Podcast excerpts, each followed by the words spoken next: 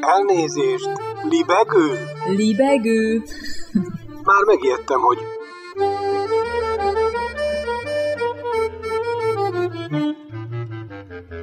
Üdvözlöm Önöket! Ez itt a Libegő újabb szellemröptető műsora. Balázs Attila vagyok, kívánok jó szórakozást!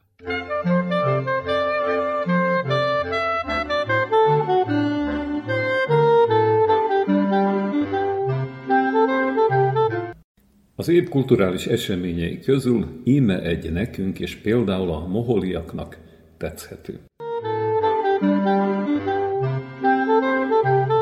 Képek és háttérképek címmel jelent meg Szabó Tamás kötete Moholi Nagy Lászlóról, aki nagybátyja révén kötődött a helyhez, Moholhoz, és a könyv az egykor nagyalföldi, aztán reálisan nézve csak alföldi, azon belül is a szegedi éveket helyezi középpontba. A kötetet egyébként ez év november vége felé mutatták be a Szegedi Móra Múzeumban. Ott, tudják, a halászcsárdával szemben.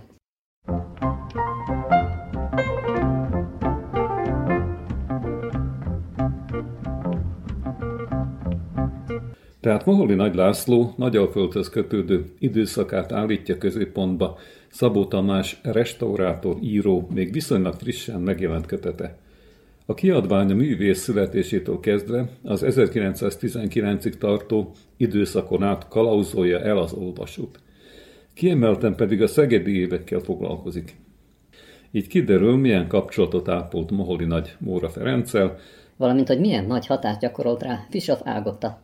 A gyönyörű asszony volt hazánk első szakképzett női könyvtárossa tudnélik, aki Móra igazgatósága idején dolgozott a Szegedi Kultúrpalotában. Moholi Nagy László róla festette gyönyörű Tahiti Madonna című alkotását 1919-ben. Jóval azelőtt, hogy a fokozódó antiszemitizmus elűzte volna a Tiszatájról, illetve át a maradékországból. A kiadvány archív fényképekkel, dokumentumokkal és műtárgy fotókkal gazdagon illusztrált.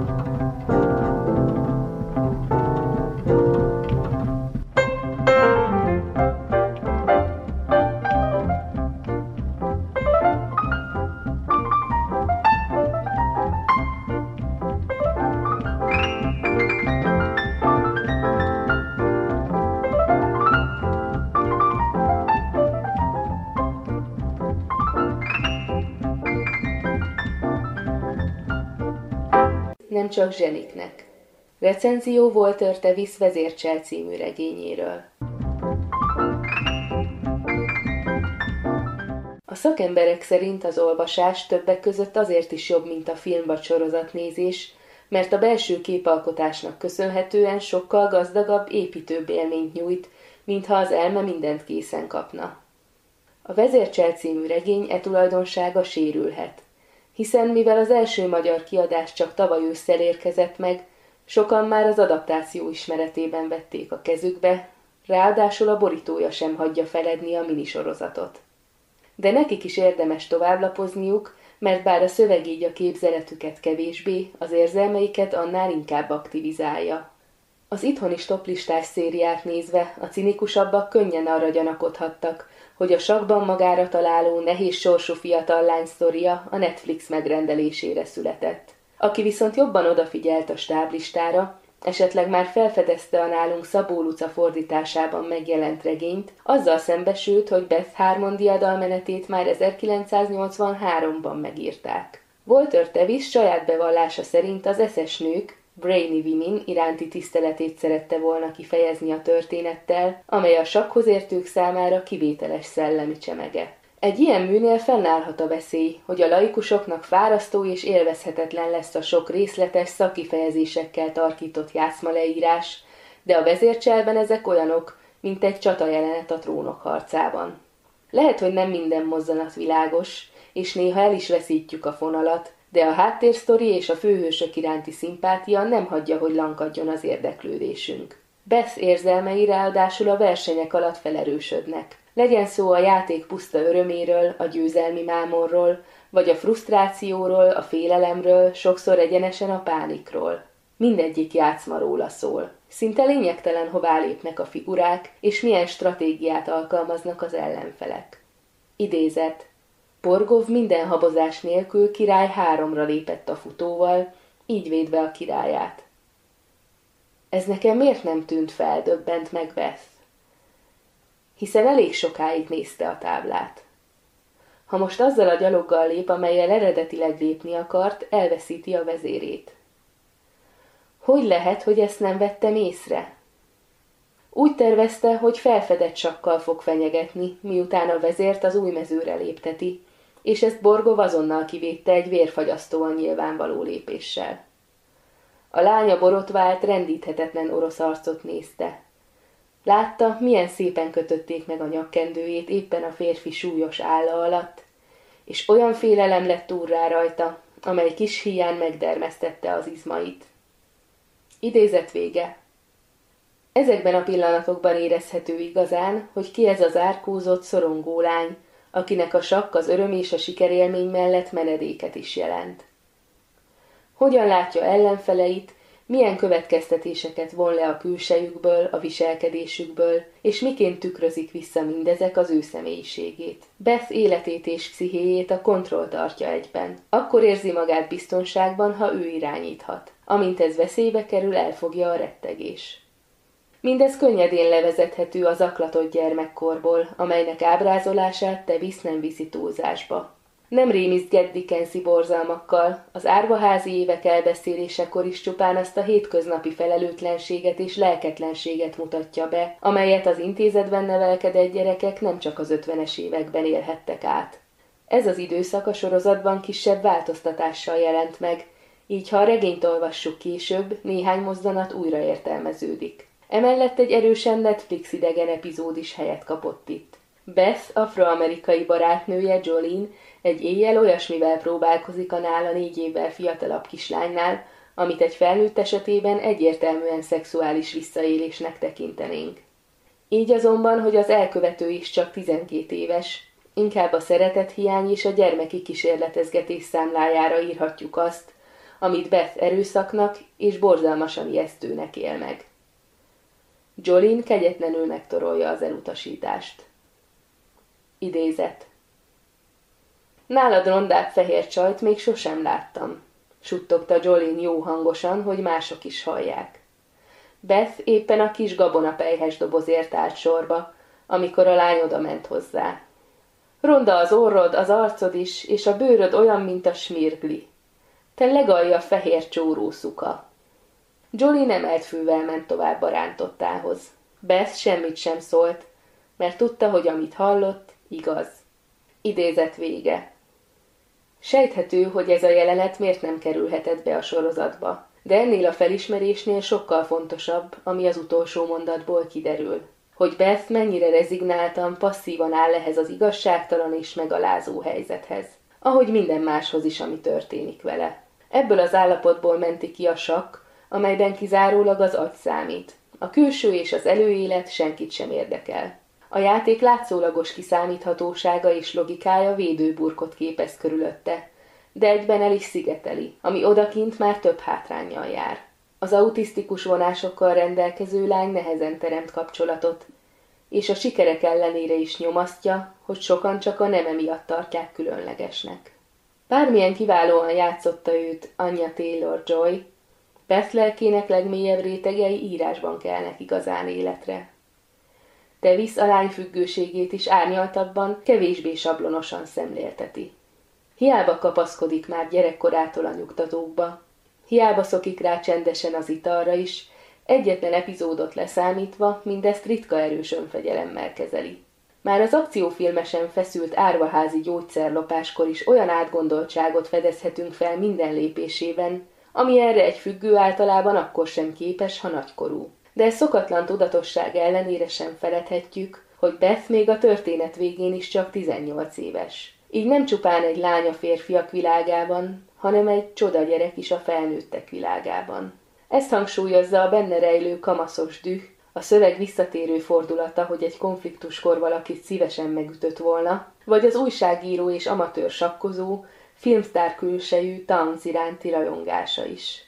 Ha a regény első harmadában még gyakrabban emlegetett, korán elveszített szülők hangos és nyomasztó veszekedéseikkel együtt lassan ki is kopnak a mindennapi gondolataiból, akkor is beépültek a tudatalattiába és a személyiségébe. A kettőjükhöz való eltérő viszonyulást a szerző és a remek fordítás az anya és az apuci szavak következetes használatával érzékelteti, miközben egy-egy apró, de jelentőségteljes emléket villant fel róluk. A kissé hűvös, kemény anya a kísértetek óráját emlegeti, és arra figyelmezteti Beszt, hogy törölje meg a pináját. Az alkoholista apa viszont engedi, hogy segítsen neki a szerelésben, és dicséri az ügyességét. Tevisz könyvében valóban mély tisztelet és empátia árad e maga teremtette eszes nő iránt, amit az eredeti címmel is kifejez. Mivel a The Queen's Gambit szakszerű fordítása valóban a vezércsel, sajnos elvész ez az utalás Beth királynői pozíciójára. Pedig valóban uralja a regényt.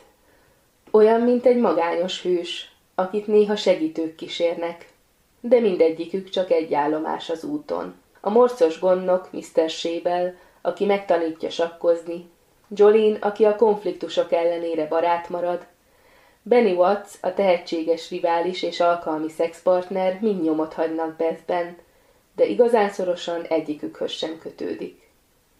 Legközelebbi családszerű kapcsolata Alma Whitley, aki férjével fogadja örökbe a 13 éves lányt, és akivel azután hamar kettesben maradnak. Hiába érkeznek két külön világból, elhagyatottságuk és természetük hasonlóságai összekötik őket. Így lassan szövetségesekké válnak. A kiábrándult alma nyomott életét felpesdíti a lány érkezése, cserébe Bess korlátozások nélkül élhet a szenvedélyének. Mrs. Wheatley sokszor máshol jár. Furcsák a reakciói, maga is iszogat és nyugtatózik, így klasszikus anyafiguraként gyengén teljesítene, de nem is kell, hiszen kettőjük között inkább üzleti megállapodással vegyes, szoros barátság, a féle partners in crime kapcsolat alakul ki, amelyben néha a felnőtt gyerek szerep is felcserélődik. Az író őszinte csodálatának másik tárgya maga a sakk, ami nem csak a játszma leírásokban nyilvánul meg, hanem abban is, ahogyan e sportágat lepesti. Tisztességes játékosokkal teli, gyilkos rivalizálástól mentes, idealizált közeg ez, amiről könnyedén elhihető, hogy Bess számára gyógyító bármely pirulánál. Egyetlen dolog vészjósló benne. Az oroszok jelenléte, akiknek ábrázolásában és Beth tőlük való félelmében az Egyesült Államok hidegháborús frusztrációja is benne van. De ezek a komor, sötét emberek, akik amerikaiakat esznek reggelire, Elsősorban még mindig sakkozók. Őket pedig Tevis képtelen lett volna rossz színben feltüntetni. Safe Space nem csak zseniknek. Recenzió Walter Tevis vezércsel című regényéről. Megjelent az 1749.hu kulturális portálon.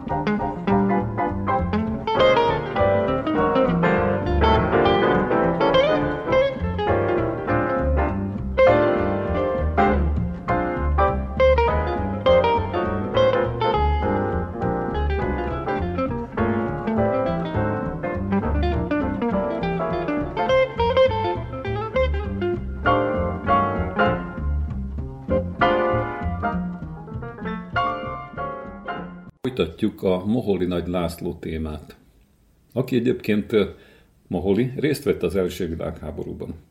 A harcokban tűzérségi megfigyelőként szerzett kitüntetést. Csillagot. A fronton számos rajzot készített, melyek közül többet barátjának, Bach Imrének küldött haza. Csillagot. Csillagot. Három levelezőlapot címzett Babics Mihálynak is, Csillagot. Csillagot. azonban vele a mítosszal ellentétben legendákkal csak futólag ismerhették egymást. Babics nem tanította itt Szegeden, valószínűleg Budapesten találkoztak érintőleg. Illet, illetve hát félre futtában. Hevesi Iván körein keresztül, méghozzá Hevesi Iván körein keresztül. Maholi Nagy László egyébként 1919-ben ismét visszaköltözött Szegedre, és összebarátkozott Gergely Sándor szobrásszal. Az Emma köréhez tartozó tehetséges, ám halál után gyakorlatilag elfeledett Hildebrand növendékkel. Gergely ötves művész menyasszonya Milko Erzsébet visszaemlékezése szerint a két fiatala Pálmai családnál kötött ismerettséget, amikor Moholi nagy Pálmai Margitnak udvarolt. Barátságuk tartósnak bizonyult, hisz ők ketten voltak a tulajdonképpeni modern művészeti törekvések képviselői a városban. Juhász Gyula 1919 nyarán kiadott új verses kötete, az én bérem címlapján is Gergely linometszete szerepelt. A szobrász ekkor már rövid ideje egy hangsúlyozottan, nem a múlt sablonjára épülő művészeti szabadiskolát működtetett. Méghozzá nem csontos, kiszáradt akadémiai tanárokkal az élén, hanem fiatal, lelkes emberekkel, akik most a születő új reneszánsz harcosainak érzik magukat, ugye. így vallott erről a maga idejében. Gergely. A dolgozók széles körű nevelését végző, igen népszerű szabadiskolában a legkiválóbb helyi szakemberek tanítottak. Az irodalom és filozófia oktatását például Juhász Gyula, az alakrajzot Heller Ödön, a szobrászatot az aktivista Gergely Sándor tanította. Hát, hogy ez milyen jelentőséggel bírt, mutatja az is, hogy kassákig Gergely műtermébe is ellátogattak annó. Na, egyőre itt szakad vége Moholi Nagy László és az őt körülvevő társaság és a millió története, amelyet mint egy széles spektrumban következő mozaikot alhatunk majd még. thank you Música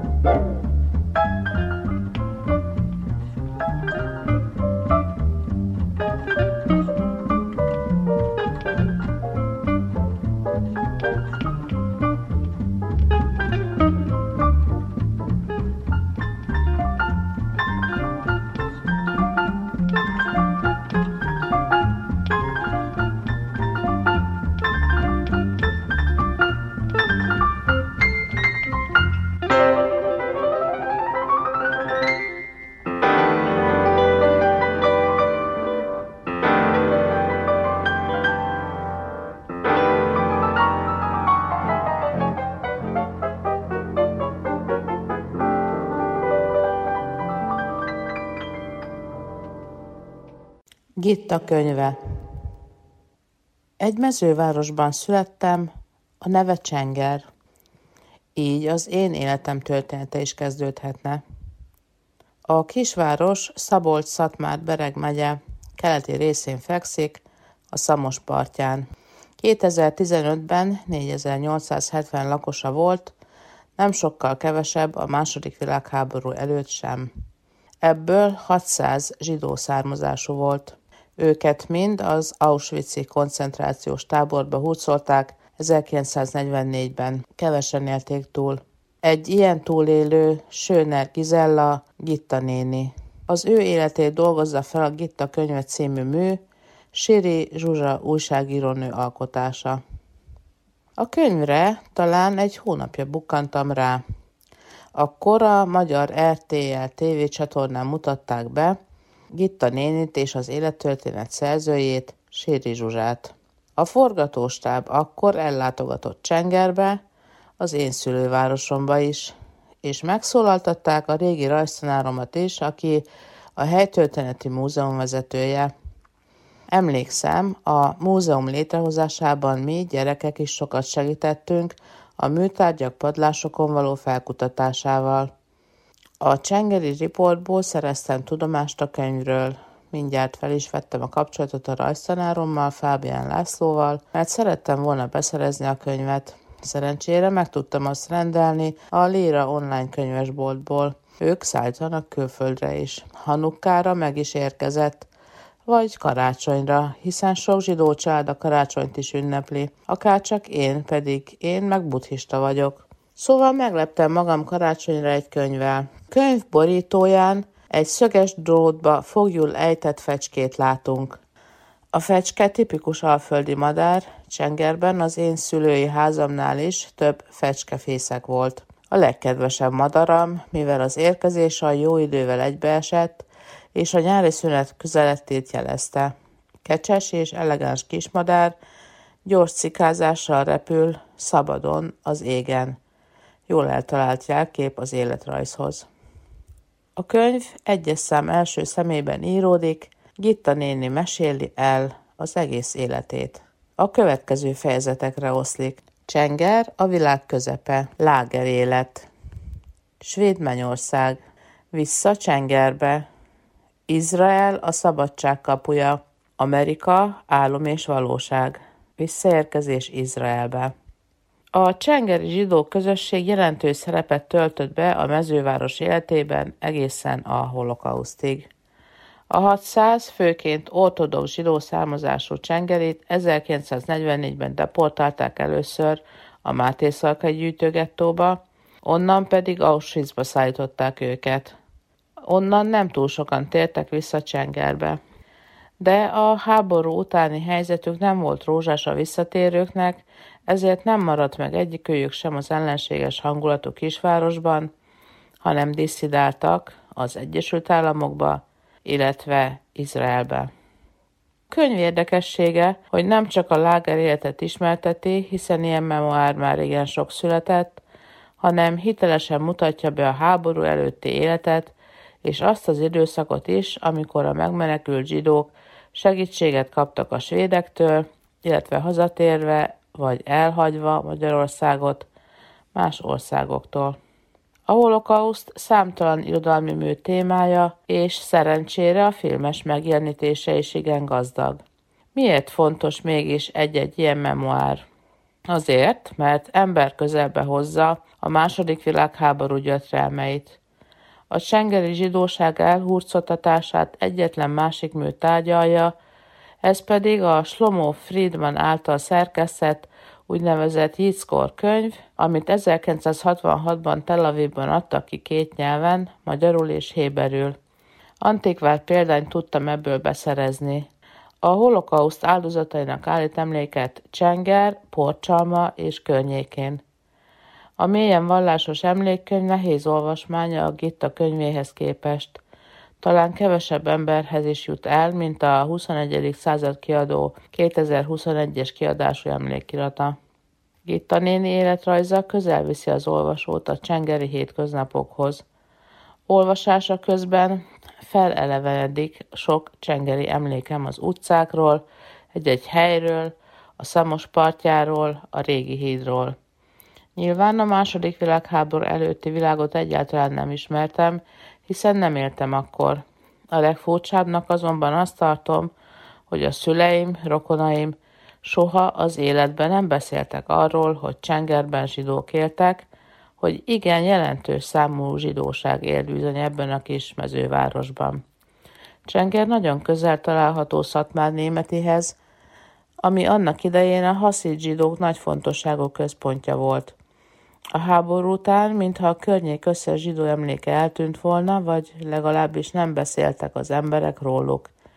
Igen fájdalmasnak tartom, hogy a történelemkönyveken kívül sehol nem hallottunk a zsidókról. Sokuk azért nem tudott visszatérni, megmaradni Csengerben, mert nem fogadták vissza őket, mintha a holokausztal kitörődött volna a kollektív emlékezetből Csenger ötödének az emléke. Persze Csenger nem egyedüli eset sajnos. Gitta könyve felrázza az emberi lelkiismeretet, és ember közelbe hozza azokat a történüléseket, amelyeket a kollektív emlékezet már nem tud felidézni. Kevesen vannak már túlélők, a második, harmadik generáció feladata ezeknek az emlékeknek az ápolása, életben tartása. Talán nem is a történelemkönyvek a legfontosabbak. Az igazán mélyre és közelre az ilyen memoárok engedik az embert. Engem is, aki egy mezővárosban születtem, aminek Csenger a neve.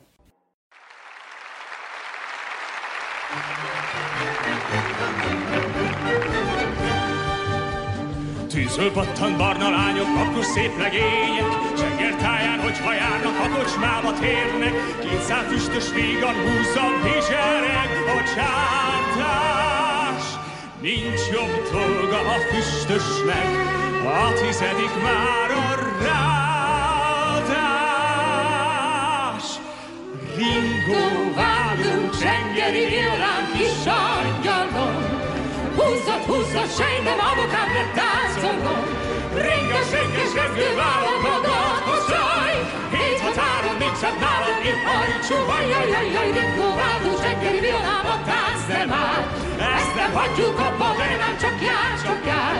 Bocsánat, uram, édes kincsem, te azt nem áll. Hey! Csak a buruló szoknyádat viszál. Folytatódik a Móli nagy téma, Tahiti Madonna, a múzsa. A szóban forgó feltűnő szépségű és művelt lány a 20. század elején a szegedi művészvilág múzsája volt. Festőket, költőket egyaránt megihletett. Múzsája volt. Megértsük félre. Moholi Nagy László a később világhírűvé vált képzőművész, hogy itt olvasható, a Bauhaus iskola kiemelkedő tanára, mondjuk újból. Megfestette a könyvtárosnőt. Az Ági feliratú portréképet az 1919-ben megrendezett szegedi kiállításon maga Móra, maga Móra Ferenc Tahiti Madonnának nevezte. azóta is így ismerjük. Alakját Nyilasi Sándor, Heller Ödön, Tevan István művei is őrzik, ex librisét pedig már többször említett Gergely Sándor aktivista szobrász rajzolta meg légies, nőies vonalakkal.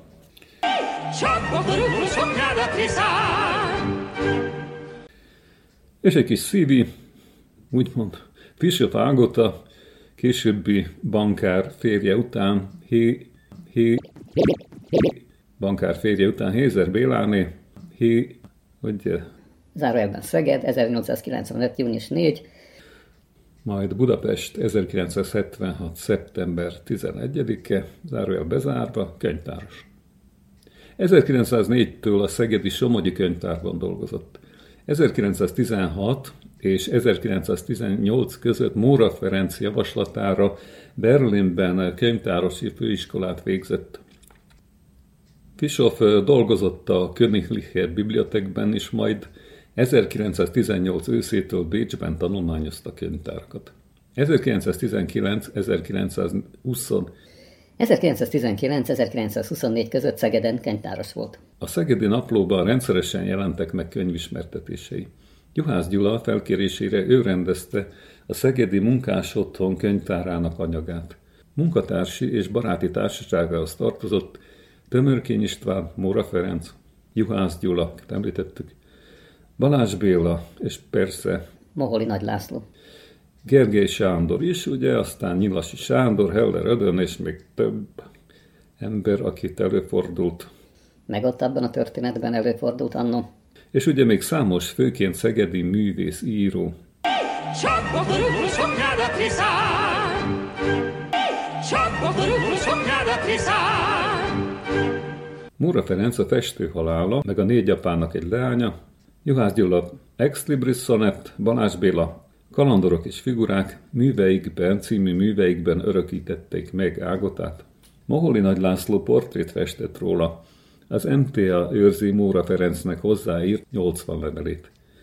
Így a Tahiti Madonna, akit legjobban és legszebben Moholi Nagy László festett meg. Szerelmes söntán a megfestett nébe. De az egy másik lapra tartozik. Egyszer volt egy görög szobrász, és így tovább, ugye, Pygmalion volt a neve, egyszer aztán Pygmalion, egyszer aztán Pygmalion, Pygmalion elpanaszolt a szerelmének, Afroditnek, Afroditnek, Pygmalion. Pygmalion.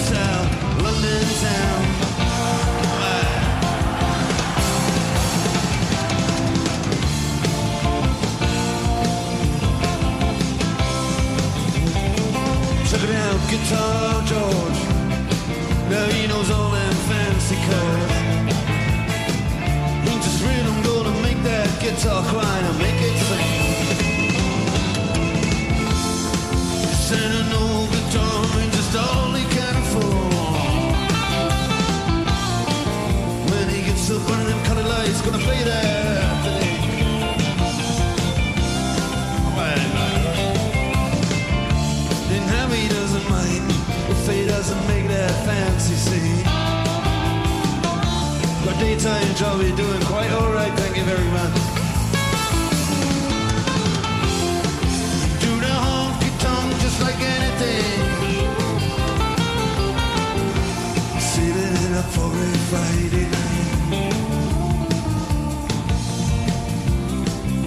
Sultan.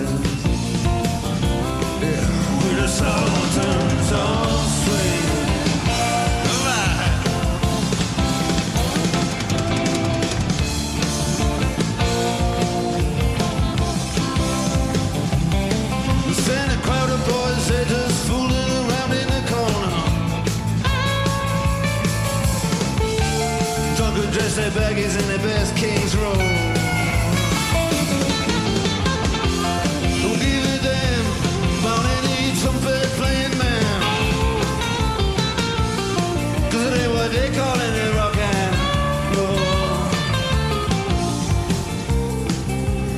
Oh yeah, the Sultan.